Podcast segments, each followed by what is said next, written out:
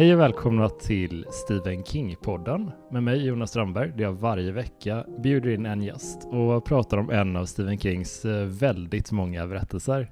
Eh, och den här veckan så har jag äran att ha med mig en eh, förstagångsgäst, nämligen Joakim Silverdal från P1 Kultur. Välkommen hit! Tack så mycket!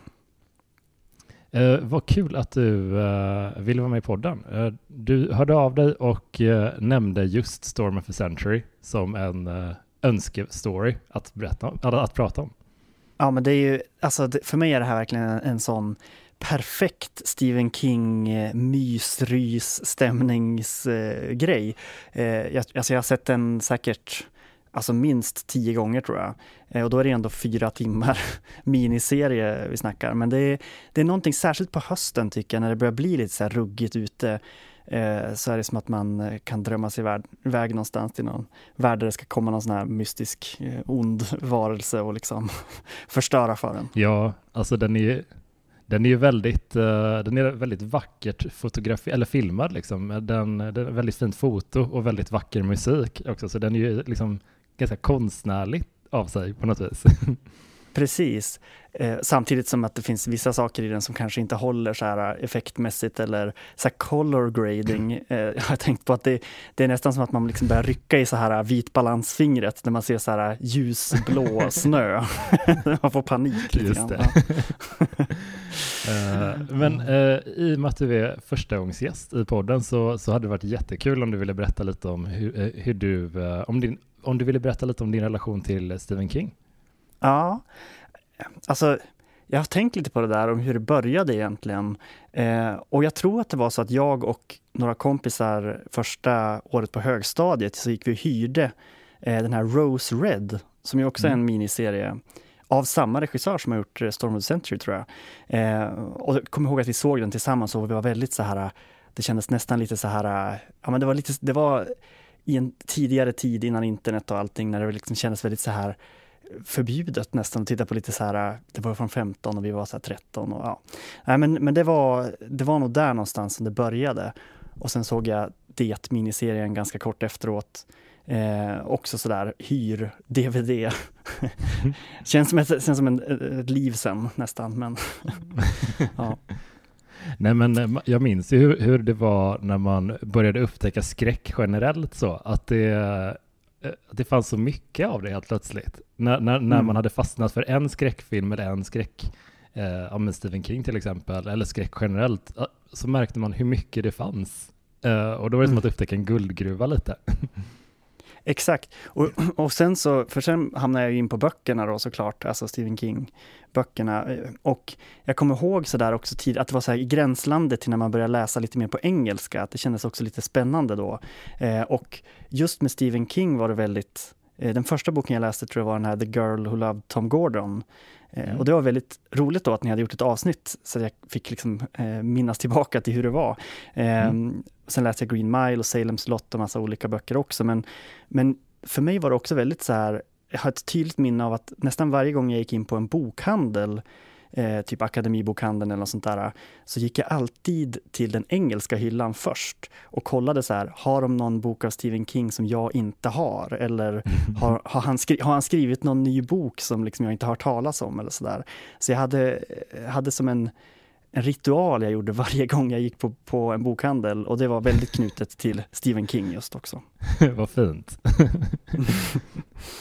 Nej men det, jag, jag, känner igen mig mycket av det där, ja, när man, äh, den här nyförälskelsen på något sätt i en äh, kreatör, alltså författare, filmskapare eller sådär.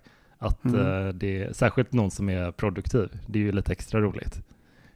Exakt, det, och, och just det här, kanske i den tiden speciellt också, för det gick ju nästan inte att få reda på så här, skriver han någon ny bok just nu eller så här, ja men internet fanns ju, men det var ju inte, inte liksom en sån Eh, källa till kunskap som det är nu. Eh, utan mm. man fick ju bara så här, kanske hoppas på att liksom ramla över en bok. Eh, och då kunde det vara så här att man fick läsa Cell som är typ en av Stephen Kings kanske sämsta böcker. Ja, Tycker jag alltså, i alla fall. Ja, ja, jag håller med dig. Den är riktigt... Uh, han, går, han går på sparlåga kreativt i den känner jag. ja, och så här va, det känns som en gammal gubbespaning också att så här eh, mobilsignaler är det som kommer göra oss galna. Typ så här, alla ja. barn med sina mobiltelefoner. Men jag tyckte det, du, han har ju lite, inte exakt den approachen, men han ser ju lite på teknik på ett snarlikt sätt i den här uh, eh, Mr. Harrigans Phone som är en ganska, eller en väldigt mm. ny uh, filmatisering och en halvny uh, kortroman. Och mm. där tycker jag typ han gör det på ett lite snyggare sätt. Liksom han, han är inte mm. lika utdömande mot tekniken på något vis, utan han är lite mer, ja det finns ju lite bra grejer också. Inte bara så en signal som kommer göra oss alla till zombies, och som känns också som en ganska enkel eh, spaning så, men ja. Nej men verkligen, verkligen. Men, men eh, vi ska ju prata om Storm of the Century eh, idag, och det mm. känns ju jättespännande. Jag minns första gången jag såg den här, eh, att den gjorde ett oerhört starkt intryck. Det var, jag tror det kan ha varit i mellandagarna kanske, när den gick på tv på typ fyran eller ettan, kommer inte ihåg riktigt. Eh, men mm. den gick i två eller tre, tre kvällar i rad. Mm. Och hur, eh, när det portionerades ut på det sättet, så minns jag hur fruktansvärt spännande det var. Att mm. man, mm. för hela, eh, vill du berätta lite kort om plotten utan att spoila för mycket? Ja, eh, absolut. Ja, men det är ju en ö då som heter Little Tall Island som ligger utanför Maines kust såklart. Eh, mm. Som är en liten, liten ö där det bor ja, några hundra personer bara. Eh, och de gör sig redo för att de vet att det kommer komma en rejäl storm. Och eh, utan att avslöja för mycket så kan man säga att i den här stormen, eller med den här stormen, så kommer det också en man som är väldigt mystisk, eh, som heter André Linoche Eh, och som genom den här serien kan man ju säga också avslöjar olika hemligheter om de här personerna som bor på ön, sånt som de inte vill att någon ska veta. Eh, och också på något sätt, han vill ha någonting, men vad han vill ha kan vi kanske komma in på lite senare. Han, vill, han är väldigt, eh, väldigt så mystisk kan man ju säga från början. Mm. Ja, men han är en, eh, eh det är någonting med han, eh, jag kan inte uttala hans namn med hundraprocentigt självförtroende, men skådisen uh, Combe Fiore kanske? Uh, Nej, jag tycker vi säger Combe Fiore ändå. Det vi, kör, bra. vi kör på det.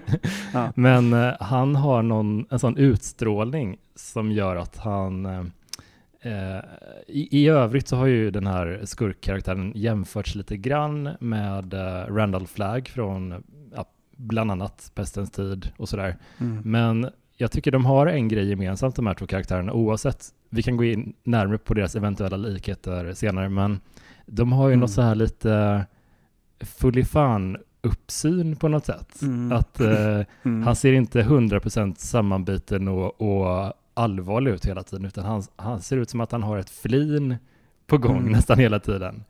Uh, det, är en, ja. det är någonting så lite Hannibal Lecter artat också över honom. Jag kommer ja. ihåg att eh, Anthony Hopkins har beskrivit liksom att han, hade, han studerade hur, hur rör sig typ kakaduor och så här fåglar liksom. För de håller sig väldigt, väldigt stilla och så flyttar de på sig väldigt snabbt. Mm. på huvudet. Liksom så. Eh, och så håller de en väldigt stirrig, så liksom, de blinkar ju inte, de håller en skarp blick så här. Eh, och det tycker jag att han också, utöver liksom leendet, så har han den här Hannibal Lecter liksom avslappnade, han vet mycket mer än alla andra vet hela tiden, eh, liksom utstrålningen. Eh, som är väldigt effektfull också genom hela serien egentligen.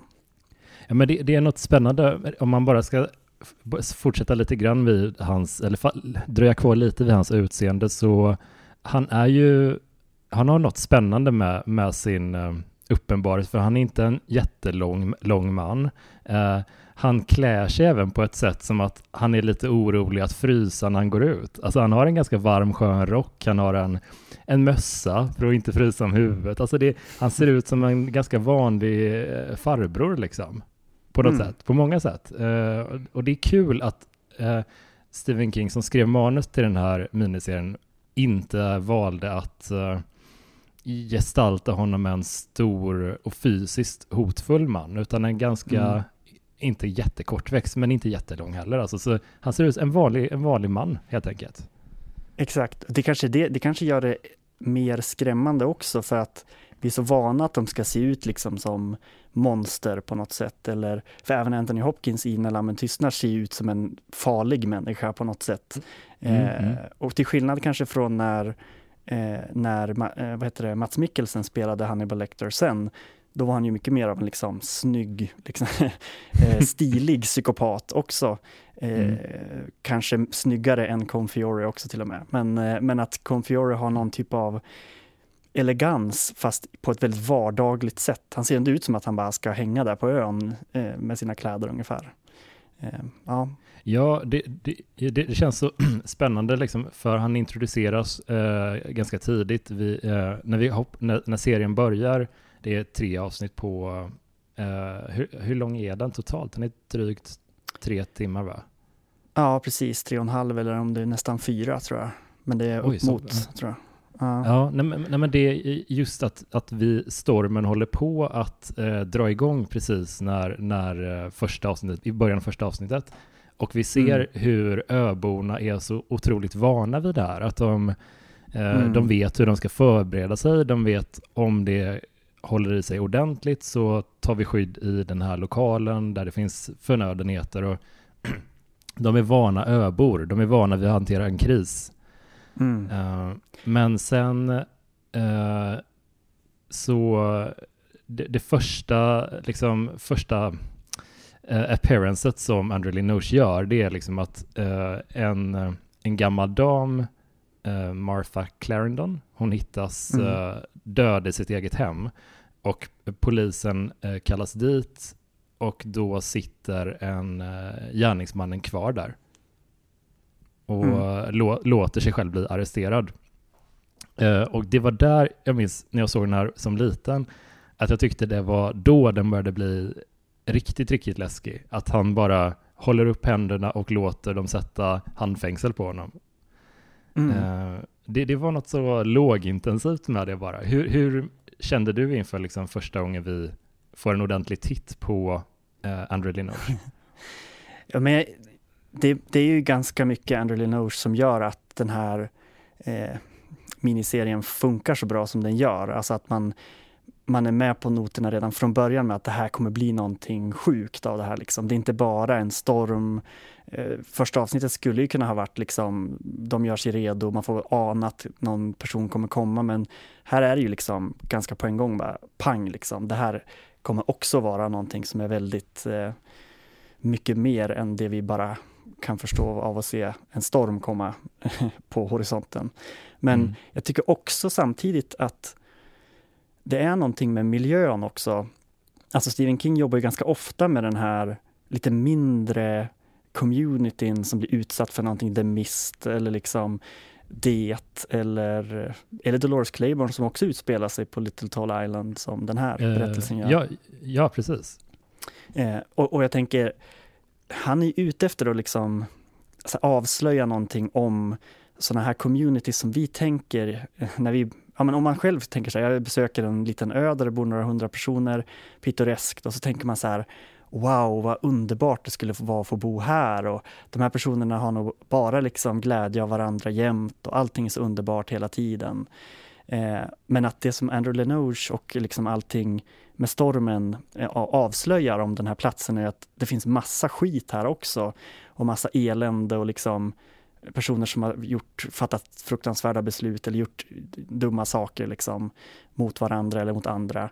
Eh, mm. Så jag tycker det är också någonting som gör att, att man blir hooked ganska direkt. Mm. Så fort Andrew Linoche börjar avslöja saker om de här människorna. Ja, men jag, jag håller verkligen med dig. Alltså, jag tänkte, mm, jag, jag, fick lite vibbar av, inte just Rand, Randall Flagg, utan uh, när, man, när man tänker på Adrian Linoche, utan lite mer en annan Stephen King-skurk, nämligen uh, Leland Gaunt heter han, från uh, Köplust. Just som, mm. som också spelar mycket på att slå split mellan människor och få dem att göra saker som de kanske inte hade gjort i normala fall och manip manip manipulationen är väldigt uh, central där på något sätt. Ja, just det. Ja, men det, det, du har nog helt rätt där. Och jag tänker att, att liksom försöka avslöja de här platsernas, alltså the suburbs eller liksom eh, vad ska man säga, småstadslivet som ska se så härligt ut på utsidan. Eh, att bo i ett villaområde ska se så härligt ut på utsidan. Eh, och ja, men, i By Carrie, hans första bok, liksom, det är också en eh, villaförorts, eh, liksom, att liksom ta, ta, det, liksom, ta heder och ära av, av de platserna för att visa vilka de här människorna egentligen är. Och det tycker jag, ja, det, det är nog därför också som jag gillar Storm of the Century så mycket. För det känns som en sån liksom, sammanvävning av allt han är intresserad av. Men det är så intressant att du tar upp det, att det ofta är uh, de mindre samhällena som är offren i, i Kings. Uh, det, det, är sällan vi liksom får följa ett hot som hemsöker en storstad. Liksom. Det, vad, vad tror du det beror på?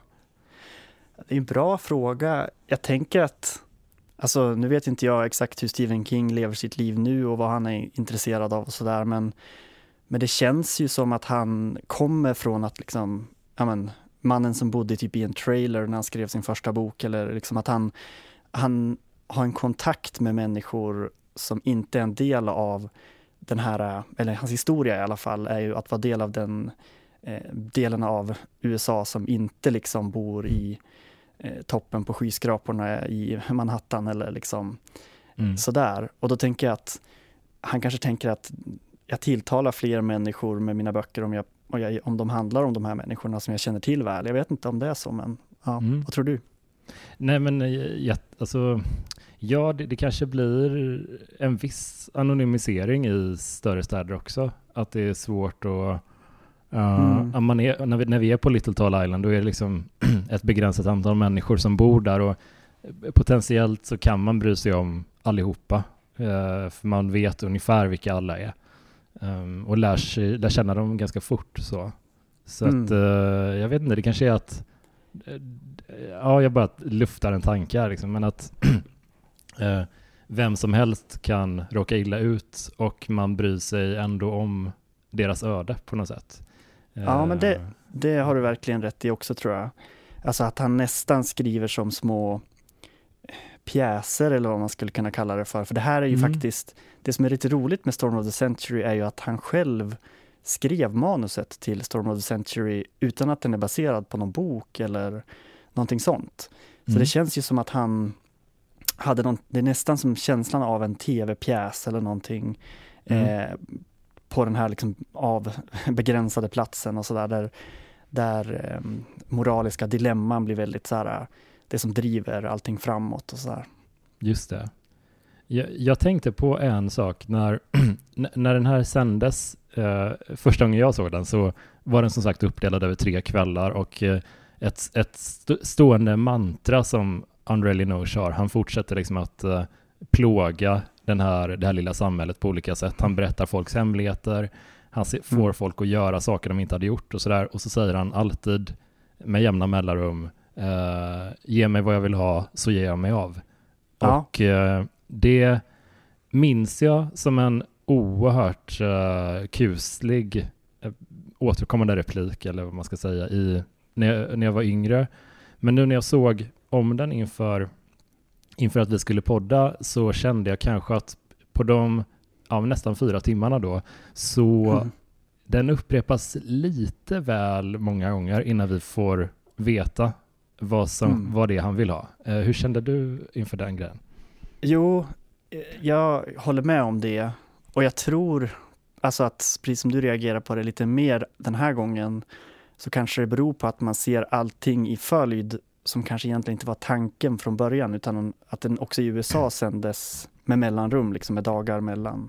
Mm. Eh, och jag, alltså, för det är ju en effektfull grej och jag förstår att han vill Eh, på något sätt ge honom en catchphrase. mm. Men när man ser alltså alltihopa i följd så kanske det är så att man skulle lite snabbare behöva få veta vad är det du egentligen vill ha för någonting. För nu känns det också som att det funkar ett tag att säga att, eh, att, man, att man inte ska förstå varför han gör saker och att han säger det där ändå. Men efter mm. ett tag måste man som publik också få veta själv, alltså för att eh, ja, få någon slags hint i alla fall om vad det handlar om. Men det är ganska lång tid innan man får det. Så att, eh, ja. det, känns, det känns som ett, eh, en bra kritik av den här serien. Men det, men, det är, men det är ju mer kanske en kritik eh, mot uh, formatet som det blev sen när den kom ut på DVD och uh, streaming och sådär. Att det, det, den fungerar väldigt bra uh, uppsplittrad vid tre tillfällen, men sämre att bingea kanske. För att det mm det, jag, jag funderar liksom så här, vad, vad, skulle man kapat? Liksom, vad skulle man ha trimmat ner? Och det, det till skillnad från, jag kan vara rätt, off, det är en återkommande grej i alla fall som jag hör från lyssnarna till podden, att jag, jag lite ofta säger att man borde trimma det och trimma det i, i Stephen King. Uh, men jag tycker nog att den här, här är det inte det som är problemet, utan snarare kanske eh, dagens format den här, den här serien serveras i. Så att om man ska mm. se den här eh, så ska man nog dela upp den på i alla fall två kvällar. Eh, ja. Så att den inte, man inte ser allt i ett enda svep, för då blir den lite, lite väl, eh, lite tjatig nästan. Ja, och att det, det kanske också, det är inte mycket som håller för att se, ses liksom i, i en sittning i den här längden, utan det är som man börjar ganska snabbt och så här, kom Nej, igen alltså, nu. ja, men jag, jag, jag tycker typ så här, jag är 34 nu liksom och jag minns när man, när man var kanske 20 typ att man, man lätt kunde se så här tre, fyra långfilmer uh, i, i ett svep utan liksom att det var men nu kan jag knappt se två, alltså det, det, liksom, det börjar bli, det börjar bli rastlöst. sämre och sämre för varje år liksom. Ja, alltså det blir så jävla, ja, hjärnan blir slöare bara. Men, Men jag tänker, ehm, Mm. En, en, annan kritik, apropå det, kan vi kan ju ta lite sånt nu eh, mm. innan vi går in på mer liksom, handling och så, vad som, vad som händer. Alltså jag mm. tänker alltid på en scen eh, när Andrew Linoche, han har liksom hamnat i en fängelsecell och så ska han bryta sig fri och då kommer det som in en stormvind i en kontorslokal. Mm. Eh, och då tänker jag på effekterna just i den här, för då är det mm. som en lite dåligt CGI-animerad datorskärm som snurrar runt i rummet. Och det är liksom ganska talande för de sämre effekterna i, i Storm of the Century. Men annars, på ett sätt tycker jag att de har ganska mycket praktiska effekter. Det är jättemycket snö och, mm. och sådär. Eh, jag, jag, läste eller hörde någonstans att, det, att de la två miljoner dollar på fejksnö. Eh, vet inte om det stämmer, men jag hoppas att de gjorde det. Väl värd investering i så fall.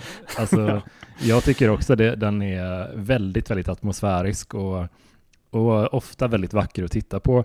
Eh, det finns en till eh, eh, effekt, specialeffektscen som, nej, sorry, alltså den, den flyger inte, men den går nästan inte att gå in på utan att börja spoila typ. Um, ja. Jag vet precis jag tänk... vilken du tänker på, så vi kan komma till den kanske. ja, det kan vi göra. Men den här är uh, väl värd att, att titta på tycker jag, liksom, för att den är en, särskilt nu när det är, om man bor i ja, stora delar av Sverige så är det väldigt mycket snö just nu. Så att nu mm. är den väldigt eh, extra stämningsfull skulle jag säga. Så ägna eh, två eller tre kvällar åt att se den här väldigt eh, kusliga Stephen King-serien. För att eh, det är många som, inte har, som har missat den här upplever jag. Särskilt i, att den är en Stephen King-grej också. Liksom. Det är många som inte kände till det heller på något vis. Men Nej. En liten doldis. Precis, och, och det man kan säga också utan att avslöja någonting är ju att den har ju ett, en slags djupare tematik som kommer fram i den sista tredjedelen som också tror jag är någonting som kanske skulle göra den extra spännande även för folk som inte är bekant med Stephen King så mycket sen innan eller liksom att man kanske kan se den tillsammans med någon, det har jag gjort vid flera tillfällen i alla fall. Mm. Eh, och att det funkar väldigt bra upplever jag det som, att många är liksom så här, jaha, liksom intressant att det blev så här. liksom. Mm. Att den, den, har en liten o, inte oväntad är den ju inte, men det blir liksom en ganska, ja, den, den rymmer ganska mycket djup också på något sätt. Mm. Ja, men absolut, och det finns mycket, det finns mycket mytologi. Jag tycker väldigt mycket om när man jobbar med befintlig uh, mytologi, befintlig historia och uh, väver in det. Och det brukar King vara väldigt bra på ofta. Han, mm. Eh, han plockar ofta in bibliska referenser, han plockar ofta in gamla fiktiva Lovecraft-böcker uh, mm. som är så antika ondskefulla böcker som, som spelar en central roll i många av hans berättelser. Och han har även en, en del sådana grejer i Storm of, Storm of a Century. Men mm. ska vi säga att om vi markerar för spoilers typ här, mm. eh, så kan vi prata utan, utan att vara bakbundna. Absolut. Eh, men när, vi kan börja med André Lenoche identitet kanske. Är det mm. intressant? Eh, för, för där, det är lite kul hur det avslöjas. Eh, för visst är det att poliserna kommer till Marthas hus mm. Och ser sådana här klossar ligga på golvet. exakt, ja, exakt. och de, de klossarna bildar uh, Linoche efternamn, uh, typ. Mm. och då pusslar han, polisen som hittat klosarna, han pusslar om dem i ordningen lite och uh, får fram Legion som är en gammal biblisk bifigur. Mm. en, en demon som som lite efter det här har använts lite väl ofta, känner jag. Om man kollar på mm. mycket fantasy och skräck och sådär. Det är ofta man hänfaller till just Legion som eh, att det är den stora skurken på något vis. Precis. Eh, Supernatural det... och Buffy tror jag också säkert. Sådär. Exakt, och det är väl den här berättelsen att det är liksom en eh, en demon som pratar genom en människa i Bibeln när Jesus pratar med en demon, så att säga, en demonmänniska. Och så mm. säger den demonen, eh, han säger vilket är ditt namn? Så säger demonen eh, vi är legio eller så här, I am legion for we are many. Liksom att det, det finns tusen demoner typ då i den mm. här eh, mannens inre typ. Mm. Så då är det det man ska få känslan av att okej, okay, det här är någon liksom demonmänniska som har levt länge och liksom är ons, ons, jätteondskefull då, på något sätt. Just det. Mm. Ja, men jag tycker ändå att det, som sagt, uppskattar att det finns en biblisk referens. Eh, det, mm. det blir lite mer ankrat än om man hade bara hittat på en helt random demon. Det som man inte som inte det fanns någon backstory till eller någonting. Det, det tjänar lite mer på att det blir en, en lite köttigare historia på något sätt när man väver in mm eh, sådana typer av berättelser. Precis, och det finns ju då en till stor referens som du var inne på. Eh, jag tror att du tänkte på den också, den här eh, där det var en Eh, alltså i USAs historia då så finns det ju ett känt exempel på när en hel sån här settlement, alltså de första eh, nybyggarna helt enkelt som kom till USA.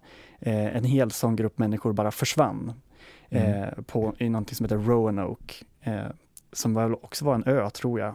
Mm. Men att alla då, när de kom tillbaka till det stället så hade alla försvunnit. Så det finns olika teorier om vart de tog vägen.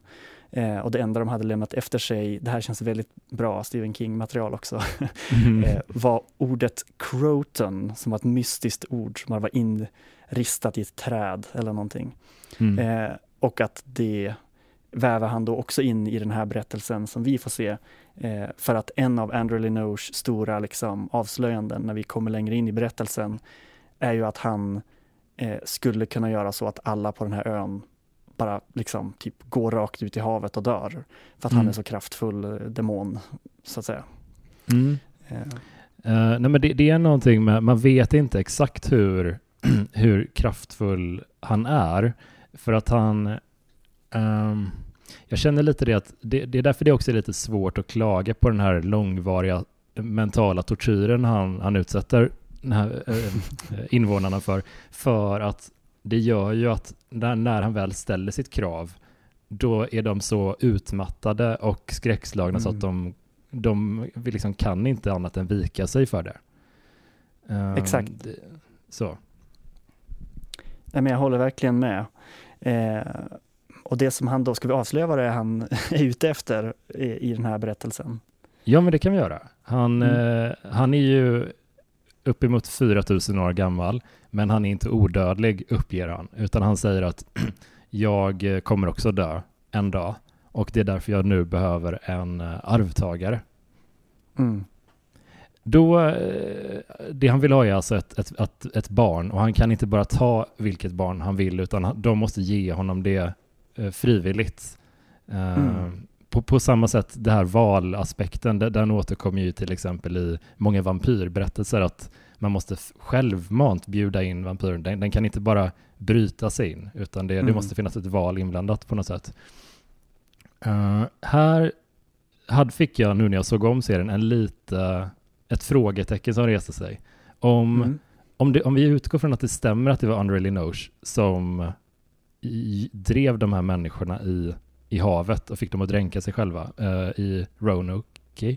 Um, mm. Vad var hans motiv då? Alltså om det var för att skrämma dem då också eller vad, vad eh, är han bara en, en, en busig demon som gillar att och, och liksom skrämma människor? Vad, vad har han för... Ja. Vad, vad tänkte du alltså, kring det? Jag har alltid tänkt att det skulle kunna vara så att på Roanoke så sa alla nej, liksom. Mm. Att de kom fram till att, för det som, han ställer ju dem inför ett ultimat moraliskt dilemma då, att så här, ska vi offra ett barn eh, från våran community eh, och en familj får offra ett barn, eller ska vi alla gå ut i havet? Mm. Eh, samtidigt så skulle det alltså, det känns ju som också som att det ligger i hela det här testets natur att de skulle säkert kunna gå emot honom på något sätt. Eh, om de gick tillsammans som liksom en, en liksom hel ö på något sätt. Eh, så får jag, det får jag uppfattningen av att han ändå inte liksom, eftersom han måste få ett ja från dem, så vet jag yeah. inte om, han, om hans liksom eh, hot om att alla ska dö och gå ut i havet egentligen är något han skulle kunna genomföra. Det är lite så här, det är ju lite oklart kring reglerna som han ja, jag, jag, jag bara gjorde en liten snabb googling nu när den mystiska kolonin eh, försv- liksom när de försvann och det, det var runt 1500-talet står det här mm. i. Eh, och, eh, man kan ju ut, man kan ju, skulle kunna tänka sig att han är demon som varje gång han gör eh, varje gång han uppträder i mänsklig form så kräver det en enorm ansats. Liksom det, det, kan, det kan ta mycket på krafterna på något sätt. Så han kanske gjorde en sån punktinsats uh, i Roanoke och uh, fick ett nej, drev dem i, i, havet och sen var han tvungen att sticka tillbaka till sin demon uh, andevärld eller någonting. 500 år senare så har han jobbat upp energin och, och kan liksom den här gången tortera en annan ö. Men han har kanske lärt sig av sina misstag från förra gången. Vad kan jag liksom, jag vet inte, det kanske är en onödig grej att gräva i, men, men jag blir lite, jag funderade lite över det bara. Ja, men ofta är det ju sådär i nästan allt man ser eller liksom tar del av att när reglerna blir otydliga så kan man lätt bara börja haka upp sig. Eh, jag känner igen det där jättemycket och jag har tänkt på det flera gånger också att det finns liksom lite plot holes i det här upplägget. Sen så tycker jag också att eh, man skulle kunna säga att alltså, huvudpersonen, även om det är många huvudpersoner på den här ön, eh, är ju Michael Anderson som är polis och eh, det är så härligt på den här ön att polisstationen eller fängelse liksom, stället är liksom vägg i vägg med, äh, men, vad heter det, livsmedelsbutiken. Mm. Så att han jobbar liksom lite på båda känns det som.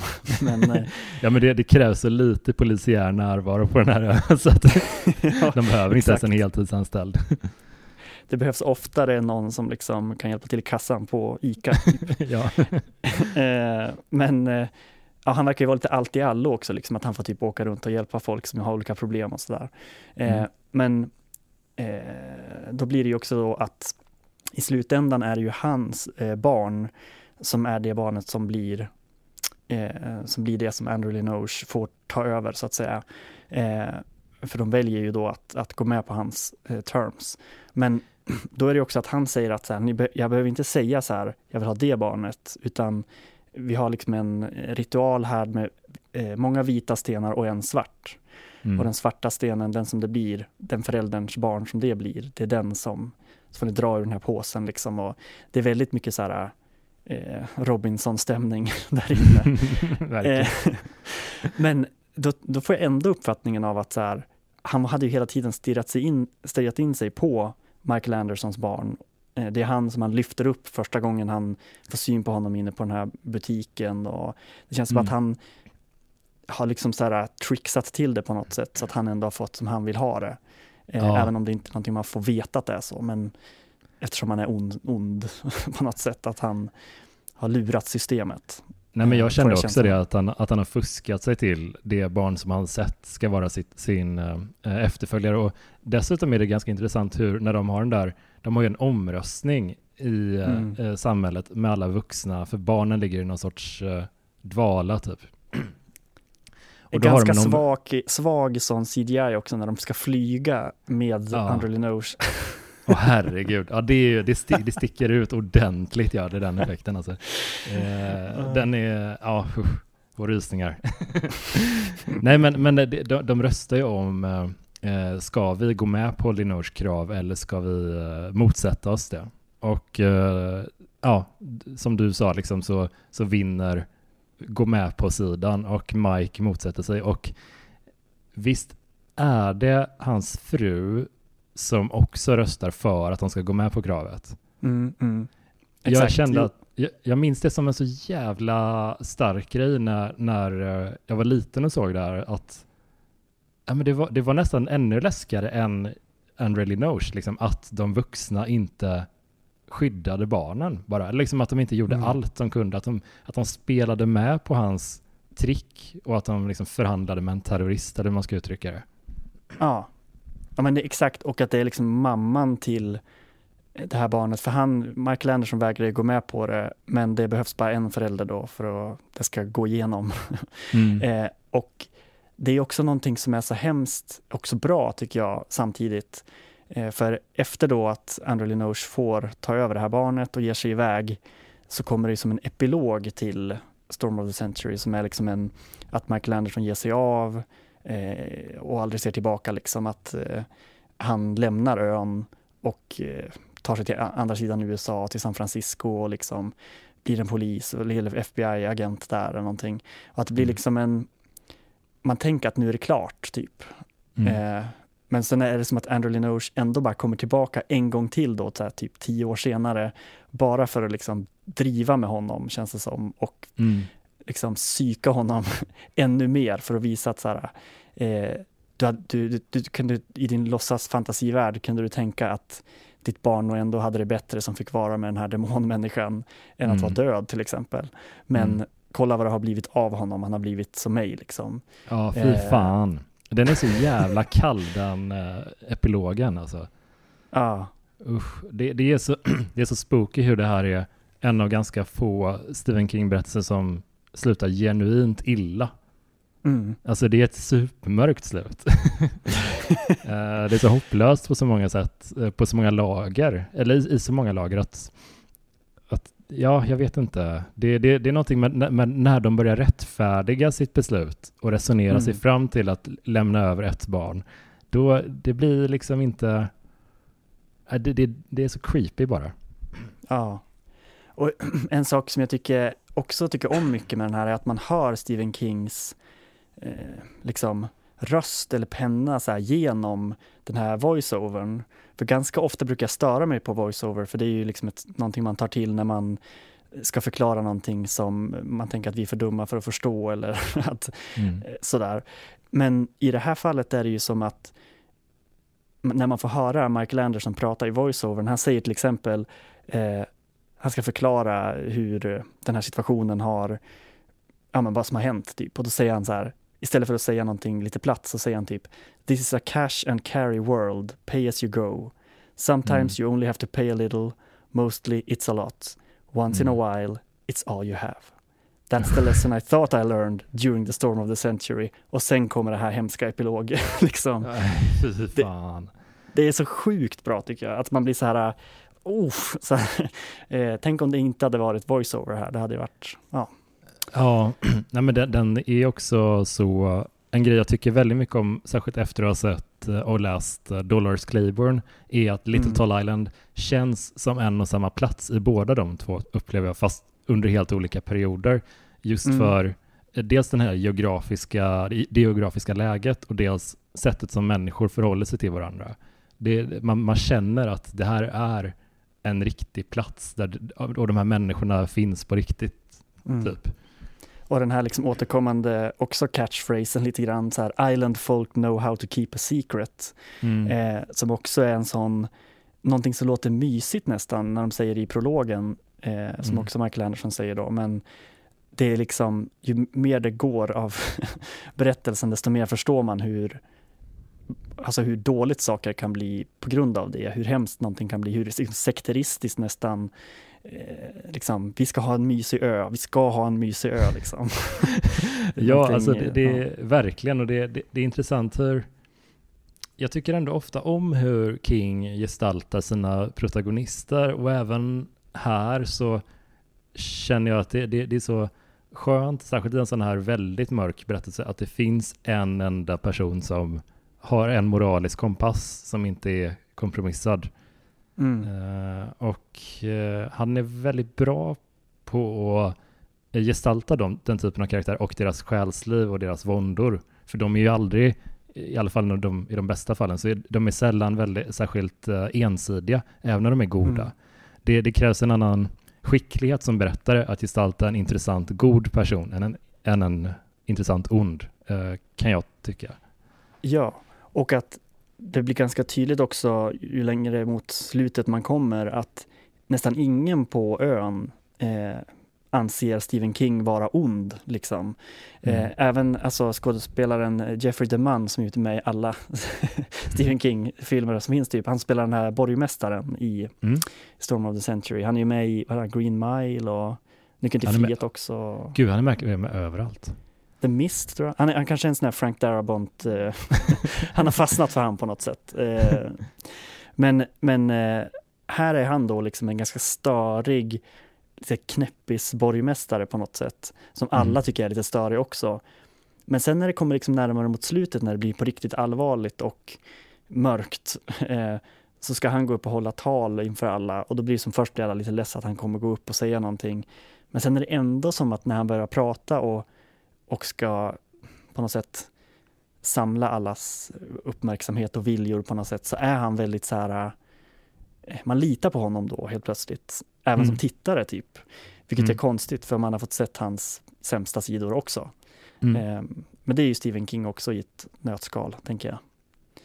Ja men verkligen, och, och det, det som är så en fin grej med den här berättelsen är att den liksom, det finns så många aspekter som får en att vilja, jag gillar stories eller böcker och filmer som får en att vilja eh, titta, titta på andra filmer eller läsa andra böcker eh, och djup, djupdyka och så finns det något mer där. Det, ja. det, det, blir så, en så rik värld då. Jag, jag började läsa in jättemycket på den här försvunna kolonin efter det här och det är liksom så spännande bara.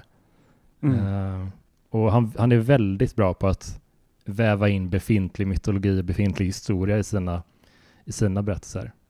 Mm. Och jag, alltså, för jag, är, jag är ju själv kristen också, uppvuxen i mm. en svensk frikyrka. Mm. Eh, och då, jag tycker att det är så kul också hur King skriver om tro och religion. Eh, mm. Jag har alltid liksom haft några ögon, lite extra ögon på det också när jag har läst eller sett någonting.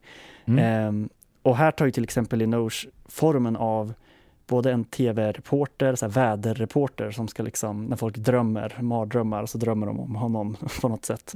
Mm. Eh, och, men också då som en, en hatisk liksom, tv-predikant. Mm. Eh, och jag tycker att det är intressant i Stephen Kings värld så kan ju även en tv-predikant liksom bli eller liksom det, den kan bli lika besatt av ondskan eh, som någonting annat också. Mm. Eh, och det är ju som, känns som att det är i den verkliga världen också typ. Men, men jag tycker också att det är ganska ofta intressant att tron på någonting annat eller liksom det goda på något sätt finns ju ändå ofta representerad. Och här är det ju Michael Anderson som till och med kan Bibeln bättre än prästen på ön.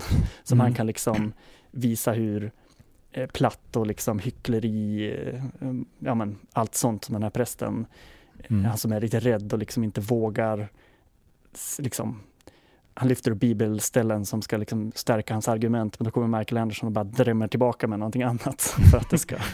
Gud vad intressant att ja. du lyfter det som, uh, som troende. Jag är inte kristen längre, men jag växte upp i kyrkan också och uh, gick där väldigt länge, liksom typ till 14-15 kanske i alla fall. Och uh, tycker det är så intressant hur folk i Kings värld använder sin tro på helt olika sätt, verkligen. Mm han är väldigt bra på att nyansera det på ett fint sätt som du är inne på. att det är, När man bara söker stöttande argument för sin Mm. sak eh, eller sin Mm. övertygelse, då kan man ju hitta en rad här, en rad där.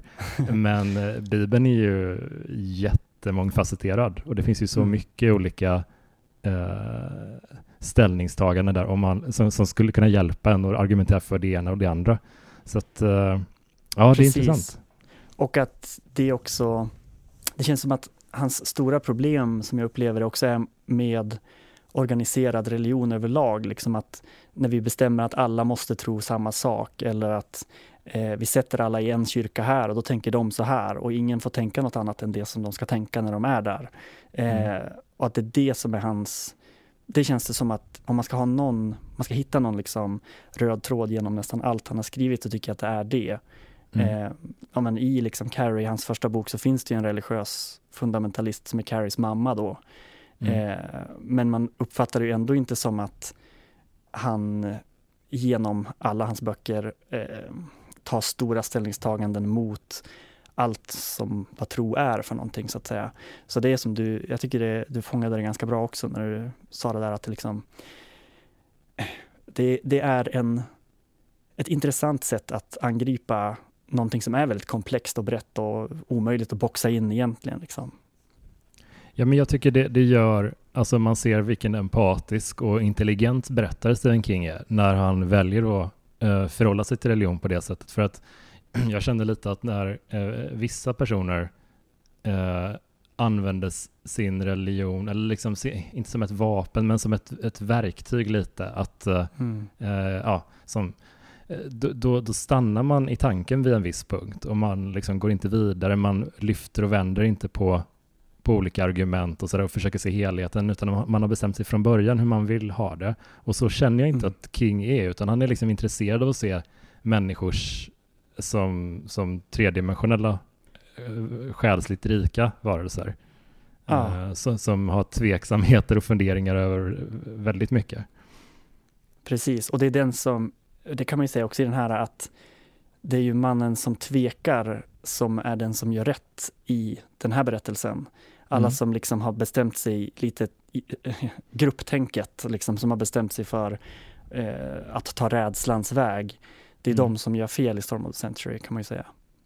Ja, Så och det- sen så tänker jag så mycket på hur Um, man vet ju inte hur det hade gått om de hade tagit ställning mot Linoche som en grupp, Mm. som en enad kraft. Men jag har känslan, det är lätt att säga nu i efterhand, liksom, men jag har känslan av att, det, att han inte hade varit så kapabel som det är lite som Pennywise som an, använder Mm. rädslan i, i It. Liksom att om man inte har rädslan, då är demonen in, har demonen ingen makt, utan det är, det är skräcken för den som ger den någonting att jobba med. Precis, och Ah. att han har långsamt brutit ner deras tro på sig själva och deras liksom gemensamma kraft på något sätt. Har också Mm. brutits ner genom hans eh, olika hemskheter som han håller på med. Men jag tänkte på, för jag hörde i ett annat avsnitt eh, tidigare i podden här att du hade sett Midnight Mass, alltså den här Mm. Mike Flanagan-serien. Mm. Eh, och, och den tycker jag är väldigt lik. Alltså, Storm, vad tänker du? Ja, gud ja. Jag tänkte också det. Att det var, jag, ville ju, jag såg om eh, Storm of a Century kort efter Midnight Mass och de är ju så oerhört lika. På, Mm. På, på ett positivt sätt upplever jag att det, Mm. det var så kul att återbesöka den här övärlden och eh, den här isoleringen på något vis. Mm. Vad, tyckte du också om den? Ja, alltså det, jag tycker verkligen, alltså Mike Flanagan tycker jag också är lite, med ett, lite av ett geni, just på grund av det som du var inne på när du pratade om King, alltså att han har en sån empatisk blick eh, kring allt han gör, alltså att hans skräckvärldar är läskiga och obehagliga och rymmer liksom hemska saker också. Men att han i grunden är intresserad av sina karaktärer. Och det tycker jag också som troende att, att Midnight Mass var så intressant.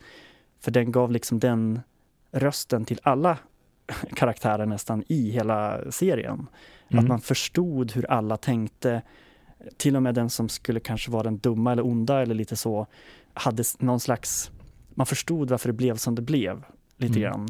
Eh, och det där tycker jag också finns i Storm of the Century, så jag tänker att, och i mycket som Stephen King har skrivit överlag, ja, men som vi alla vet också att Shining liksom var mycket mer av en varmare och förstående berättelse om alla personerna i The Shining i hans bokversion.